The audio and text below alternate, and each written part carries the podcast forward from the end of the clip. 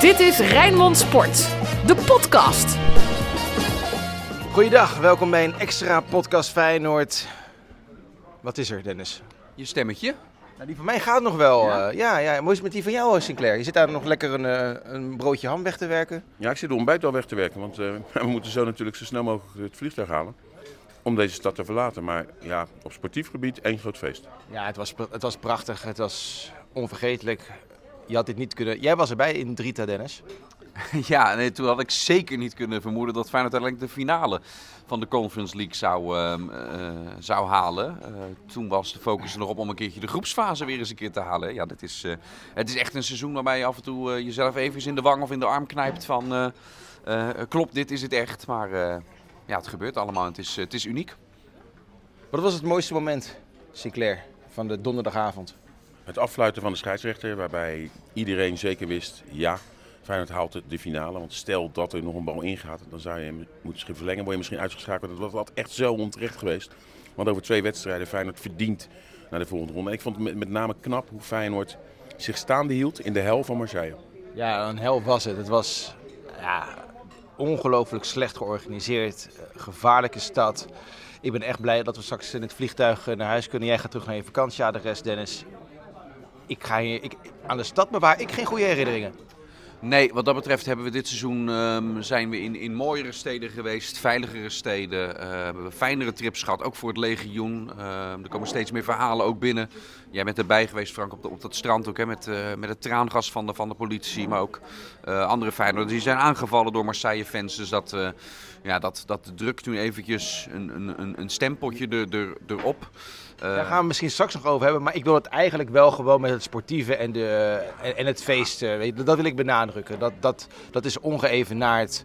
Eh, ik heb Geertruida zien huilen na afloop. Eh, spelers kwamen na afloop eh, weer één voor één terug het veld op. Er werden toegezongen.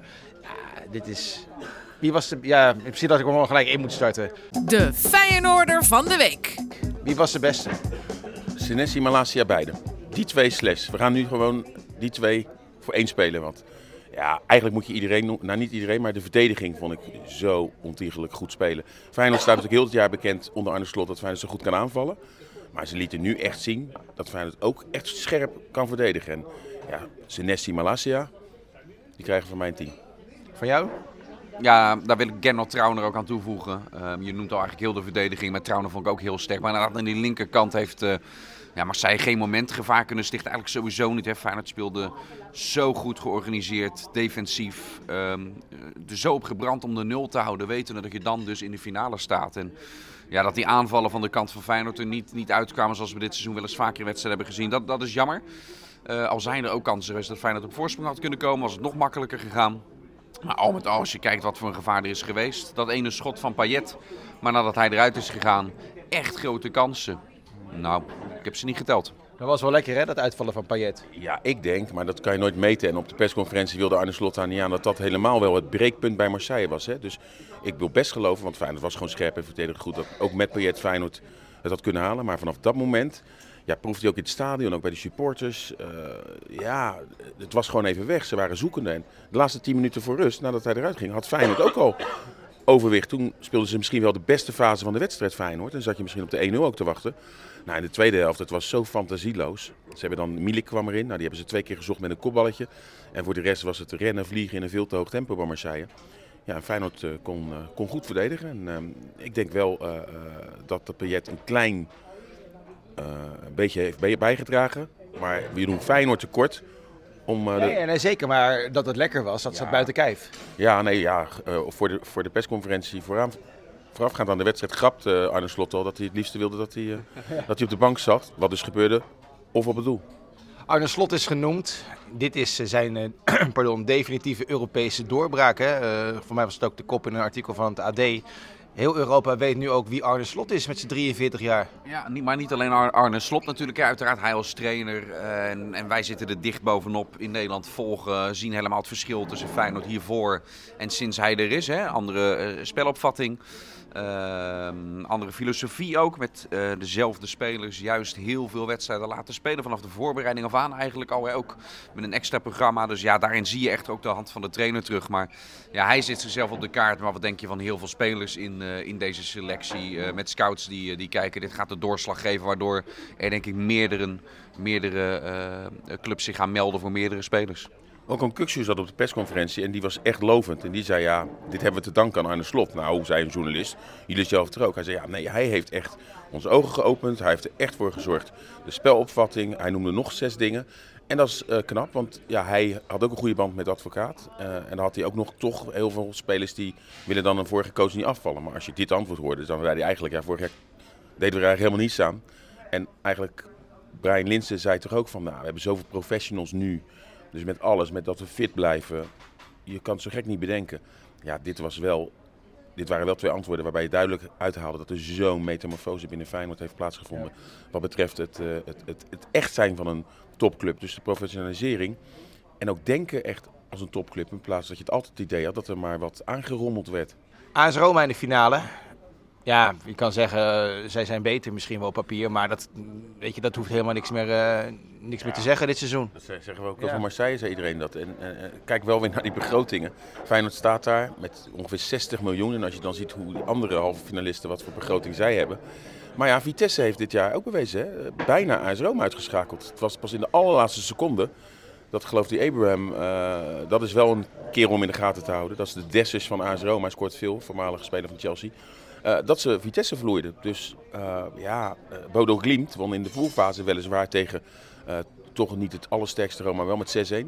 Dus ja, we moeten ook weer niet zeggen dat, dat Feyenoord nu tegen Real Madrid speelt. Maar ja, het is wel weer een tegenstander van kaliber waar Feyenoord echt wel weer een goed strijdplan tegen zou moeten hebben. Zo'n mooi affiche. AS Roma Feyenoord als de eerste finale ooit in de Conference League.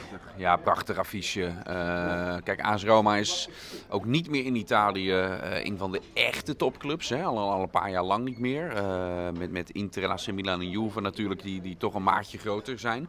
Maar dan nog een hele grote club. En Feyenoord heeft nog een appeltje met ze te schillen. Hè. 2015 de, de uitschakeling toen, een 1-1 in Rome en die wedstrijd in, eh, in de Kuip, die we allemaal ook nog kunnen, kunnen herinneren. Waarbij uh, ja, toch altijd gevoelens blijven hangen van het was niet nodig geweest. En als ik kijk naar wat voor team Feyenoord toen had staan hè, um, en wat Feyenoord nu heeft, ja, dan, dan wil ik het allemaal nog maar eens zien ook, die finale. Feyenoord uh, gaat... Uh, nou, Feyenoord gaat tegen niemand kansloos zijn. Maar hoe houdt AS Roma zich tegen dat pressiespel van Feyenoord? Want dat gaan we zien in Tirana. Ik, heb er best wel vertrouwen in. Ja, nou, Sinisterra tegen Karsdorp. Ja, dat wil ik net zeggen. Ja, Karsdorp die, is, is, volgens mij de enige die die wedstrijd, uh, en Toornstra, die die wedstrijd toen meemaakte. Maar toen was Karsdorp Feyenoord spelen. Maar wat hij zegt, dat was wel een Feyenoord met, met Kazim Richards. Nou ja, Manu kreeg rood. Lex Immers. Lex Immers, zeker. Immers. En dat was ook wel een, uh, een elftal natuurlijk dat uh, het ook moest hebben van team effort. En zeker in Europa onder Fred Rutte deed Feyenoord het goed. Maar ik dicht dit Feyenoord wel betere kans toe. Aan de andere kant, AS Roma is ook wel sterker. Hè? Ik noem die Abrahams en nog een paar ja. spelers die, uh, ja, die echt in de gaten moeten houden. En het is een finale, hè? hoe houdt Feyenoord zich dan? En dat vond ik wel het mooie, want jij zei net feesten en huilende Gertruida en alles. Ja, ze waren blij. Maar, en dat merkten wij ook uh, in uh, Praag, toen de halve finale werd bereikt, toch al heel snel de focus op, ja, maar we hebben nog niets. En dat vind ik altijd heel goed. Arne Slot doet dat ook in de aanloop naar die halve finale, deed dat goed met Marseille. Ja, denk maar juist wel aan Marseille. Waar andere trainers zouden zeggen, jongens, nog niet aan Marseille denken. En ook nu, uh, ja, heel snel gewoon zeggen, jongens, we hebben nog niets. En dat straalde ook eigenlijk uh, na afloop uit en, op de persconferentie. Ook een Kukcu. Dat, ja, het was wel gewoon uh, gelaten op de persconferentie. Er was niet zo'n sfeer die je zou verwachten. Als je echt dit al als een hoofdprijs zag. En dat vind ik eigenlijk ook wel goed hoor. Dus ik denk dat ook Feyenoord gewoon pas echt, echt die ontladingen komt als ze binnen. Wat ik jammer vind is dat het stadion in Tirana zo klein is. Uh, we hebben al een beetje zitten speculeren. Het zou zomaar kunnen dat AS Roma 3000 kaarten krijgt, Feyenoord maar 3000. En dat de rest gaat naar Bobo's genodigden en ander publiek. Ja, dat, uh, dat zie je vaak bij die, uh, bij die finales. Hè. Op die manier wordt het door de UEFA verdeeld. Dat is jammer, want het kan sfeervoller zijn als die verhoudingen wat anders liggen. Destijds, 20 jaar geleden bij de UEFA Cup finale, nou ja, dat was een finale op eigen grond. Natuurlijk lukte het heel veel Feyenoorders om ook aan van die Bobo-kaarten te komen. Uh, waardoor de echte dan overmacht aan, aan Feyenoorders in het stadion toen, toen was. Ja, of dat in Tirana ook lukt. We kennen de Feyenoord supporters als, als zeer inventief. En er gaan er echt wel meer dan 3000 binnen zitten. Nou, het is dus 3000, dat, dat, dat, dat was van tevoren gecommuniceerd. 3000 krijgen allebei de clubs er. En dan is er ook vrije verkoop. Waar dus ook mensen uit Entirana, maar ook bijvoorbeeld uh, van andere clubs kaarten kunnen inkopen. En die worden dan wel vaak opgekocht door Feyenoorders of Roma supporters. Dus in, in, in praktijk zullen er meer Feyenoorders zijn. En wat jij zegt, ook die Bobo-kaarten.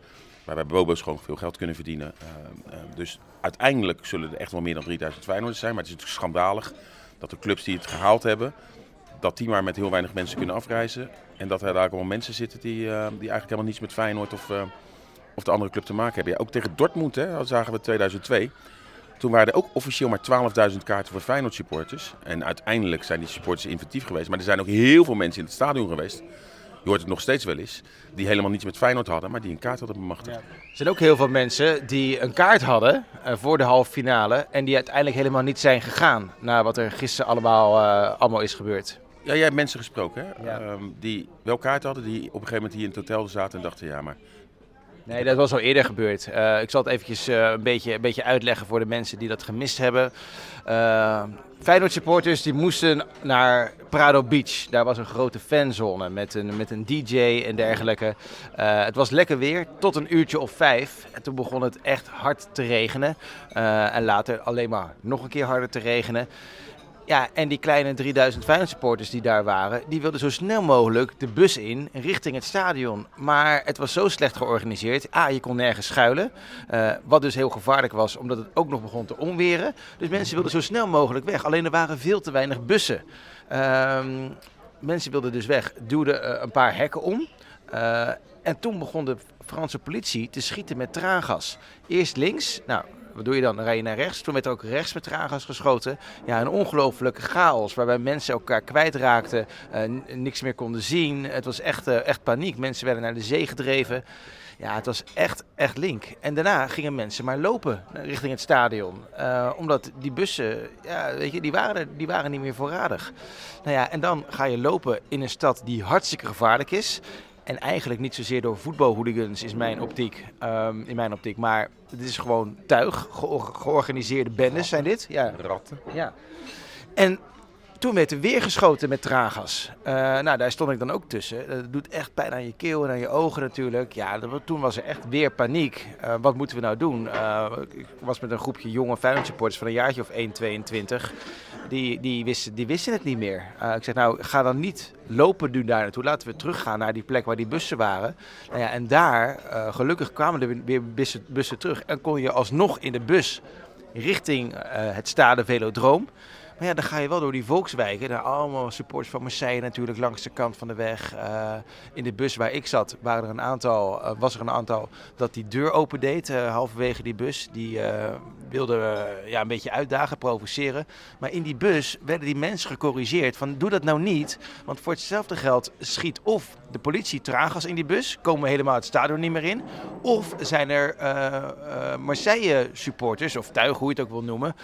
dat vuurwerk in die bus schiet. Dus er was best wel wat, uh, wat onderlinge irritatie uh, in de bus. Nou, die irritatie liep alleen maar hoger op omdat je heel lang in de bus moest wachten. Nou ja, eenmaal in het stadion arriveerden er ook allerlei supporters later. Um, ik ben toen teruggegaan naar het hotel. Ik kom in het, in het hotel. Inderdaad, een mannetje of tien zit hier nou op zijn telefoontje naar de wedstrijd te kijken. Die hadden gewoon helemaal geen trek meer nadat het allemaal was gebeurd. Ze waren verregend. Ze zagen grote problemen na afloop. Uh, en die problemen die kwamen ook omdat het heel lang duurde voordat er mensen terug uh, uh, naar hun hotel mochten. Omdat ja, het was te gevaarlijk om het uitvak te verlaten. En heel veel mensen, ook hier in het hotel spreken we de mensen bij het ontbijt, die konden pas na twee uur s'nachts het uitvak verlaten. Die waren om drie uur thuis bij een hotel. Ja, die, die organisatie hier, Dennis, jij hebt het ook meegemaakt. Dit, dit, dit, dit is echt heel erg, heel erg zwak gedaan. Ja, en ook Feyenoord zelf, um, de, de, de selectie en de staf hebben daar uh, last van gehad. Hè, met, uh, nou ja, met hoe de bustocht richting het stadion ging. Dan wordt vooraf door de club Marseille aangegeven hoe lang uh, van tevoren je dan weg moet. Ja, die informatie blijkt dan ook niet, niet te kloppen. Is, is dat dan ook een bewustzijn of niet? Maar dan wordt aangegeven, ja, het is, het is een half uurtje. Dus ga om zeven uur weg. Ja, Feyenoord kwam helemaal vast te staan. Die, die bus werd ook nog bekogeld met, met bakstenen. Hè. Arne Slot zei het op de, op de persconferentie zonder Wolf zei op een gegeven moment, nou, we moeten hier niet vast komen te staan, want hier liggen allemaal losse bakstenen. Nou, ze kwamen vast te staan en die bakstenen gingen richting de bus van Feyenoord. Ehm, eh, de echte spelersbus, die ook hier naar Marseille was, was gekomen. Dus ja, ook dat was...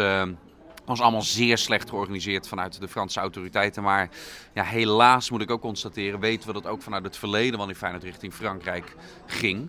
eh, dat er ook rondom die wedstrijden, dat het op dat vlak altijd eh, gewoon heel slecht geregeld was. Hoe heb jij twee dagen Marseille ervaren, Sinclair?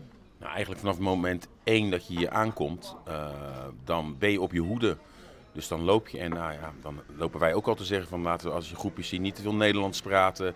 Eh, dan loop je, je zit overal naar te kijken. Nou, op een gegeven moment toen wij eh, eh, wat later op de avond toen naar jou liep op de eerste dag. ja, dan loop je toch do- door ongure steegjes en alles. En dan voel je, heb je toch een beetje onderbuikgevoel. Nou, dan zie je hele groepjes. En dan ga je expres omlopen. Dat vind ik geen lekker gevoel om in de stad te moeten werken. Nee, ik sprak gisteren hier een man en die is ook beroofd van zijn, van zijn creditcard. Hij kon kiezen. Ineens werd hij opgewacht door een groep van tien Marseille supporters. Nee, dat zijn geen, ik zeg het verkeerd. Het zijn, dit is gewoon een eh, Ratten. ja, eh, Frans-Algerijns tuig wat, wat hier rondloopt. loopt. en hij kon kiezen of je geeft je telefoon of je geeft eh, je bankpas. Toen heeft hij er uiteindelijk voor gekozen om zijn bankpas eh, te geven. Zit hier bij ons in het hotel. Ja, en zo zijn er nog tientallen andere voorbeelden van eh, supporters die zijn belaagd. En nee, eh, als ik namens mezelf spreek, dit was één keer Marseille, maar nooit meer. Nou, zeker niet om op Fransen te gaan. En, en, het vervelende is wel dat ja, deze stad dan over is genomen door tuig. Want het is, zeker bij de haven, is het echt gewoon prachtig met al die... Met Ja. die, Ja, die basiliek ben ik, ben ik gisteren op geweest. Ook hartstikke mooi. Ja, nou, dus ik denk dat deze stad echt wel een probleem heeft. En eh, dat is ons pakje niet, maar het is in, met een strand erbij, met temperatuur. Normaal gesproken had het echt wel een, eh, eh, een paradijs kunnen zijn. Maar ja, dit, is, ja, dit nodigt nou niet uit om inderdaad lekker op vakantie te gaan. En eh, ja, ik heb me eh, eigenlijk nooit ge- geen moment veilig gevoeld. En dan ga je toch anders te werk. Wij zijn live, moesten wij om vijf uur eh, ehm, moesten wij, eh, de uitzending in van Rijnmond. En toen waren we al bij het stadion, bij een fanzone. Nou, dan vind ik het dan ook ongelooflijk. Overal al supporters, er wordt ook al vuurwerk afgestoken.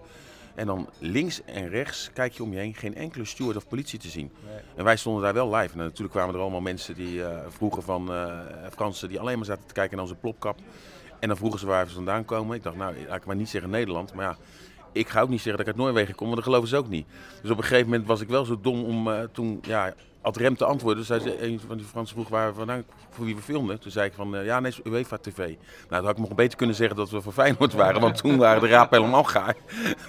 want UEFA maffia en ik kreeg allemaal Franse eh, scheldwoorden naar mijn hoofd. Nou, Dennis moest op een gegeven moment live. Toen kwamen nou, mensen kunnen dat terugzien, allemaal Fransen om hem heen. Zagen we ook nog wat middelvingers. Ja, toen eh, gelukkig dat het ging hozen toen. Toen begon het te hozen. En toen eh, rende eigenlijk iedereen weg. Wij waren klaar met de live, toen zijn we een hotel ingegaan. En vanaf dat moment had ik wel zoiets, dit moeten wij niet meer doen. Gelukkig Ruud van Os vanuit de redactie zei ook van jongens, dit, dit, dit gaat een keer mis. Want je hoeft maar eenmaal lood te hebben. En er is ook, kijk, zijn er nou nog stewards of politie? Dan of die gasten doen het niet, of je hebt iets waar je naartoe kan. Maar nu was het inderdaad zo dat ze hadden kunnen zeggen, jongens, wil je je cameraspullen afgeven of wil je je bankpas afgeven of je telefoon? ja, dat hadden ze zomaar kunnen doen. Ja, nou ja, wat moet je doen met 100? Nou, 100, zou- hoeveel waren het er? Overal om je heen. Dus eh, nee, ik heb me niet lekker gevoeld. En dat is toch niet, ja, je komt hier ook om te werken. Eh, en eh, nou ja, ik ben blij als ik zo in het vliegtuig zit. Ja, ik ook. En heel veel supporters hebben ook zoiets van ja, normaal gesproken is die wedstrijd een hinderlijke onderbreking van een, eh, van een uittrip. Van, van het met, met, met elkaar samen zijn. En nu is de wedstrijd eigenlijk in feite datgene dat alles goed maakt van een trip die je op andere gebieden zo snel mogelijk wil vergeten. Omwille van de tijd, man, dan gaan we het heel even kort hebben over een wedstrijd. Ja, het is een topper in de Eredivisie, maar ja, die leeft totaal niet, heb ik het idee. En sterker nog, wat, wat wil Feyenoord? Ja, winnen, maar Ja, hij is nog wel eh Feyenoord PSV, heb jij het natuurlijk over. Die is eh hard, nee, je hoeft niet voor het ontbijt te betalen als je hier slaapt. Ga je gang. Ze jatten hier in Marseille toch allemaal als de raven, dus je mag meedoen. Ehm, ja, Feyenoord PSV is natuurlijk altijd een topper. Ehm, ehm, en hij is nog steeds belangrijk, hè, want Feyenoord moet plek 3 veiligstellen. Wat wel nog gunstig is, nu de finale tegen Roma is en niet tegen Leicester, ehm, is als Feyenoord de Conference League wint, zijn ze zeker van, eh, van groepsfase Europa League. Maar als Feyenoord derde wordt ehm, en eventueel die finale zou verliezen, is eh, plek 3 in de Nederlandse Eredivisie ook goed voor groepsfase Europa League.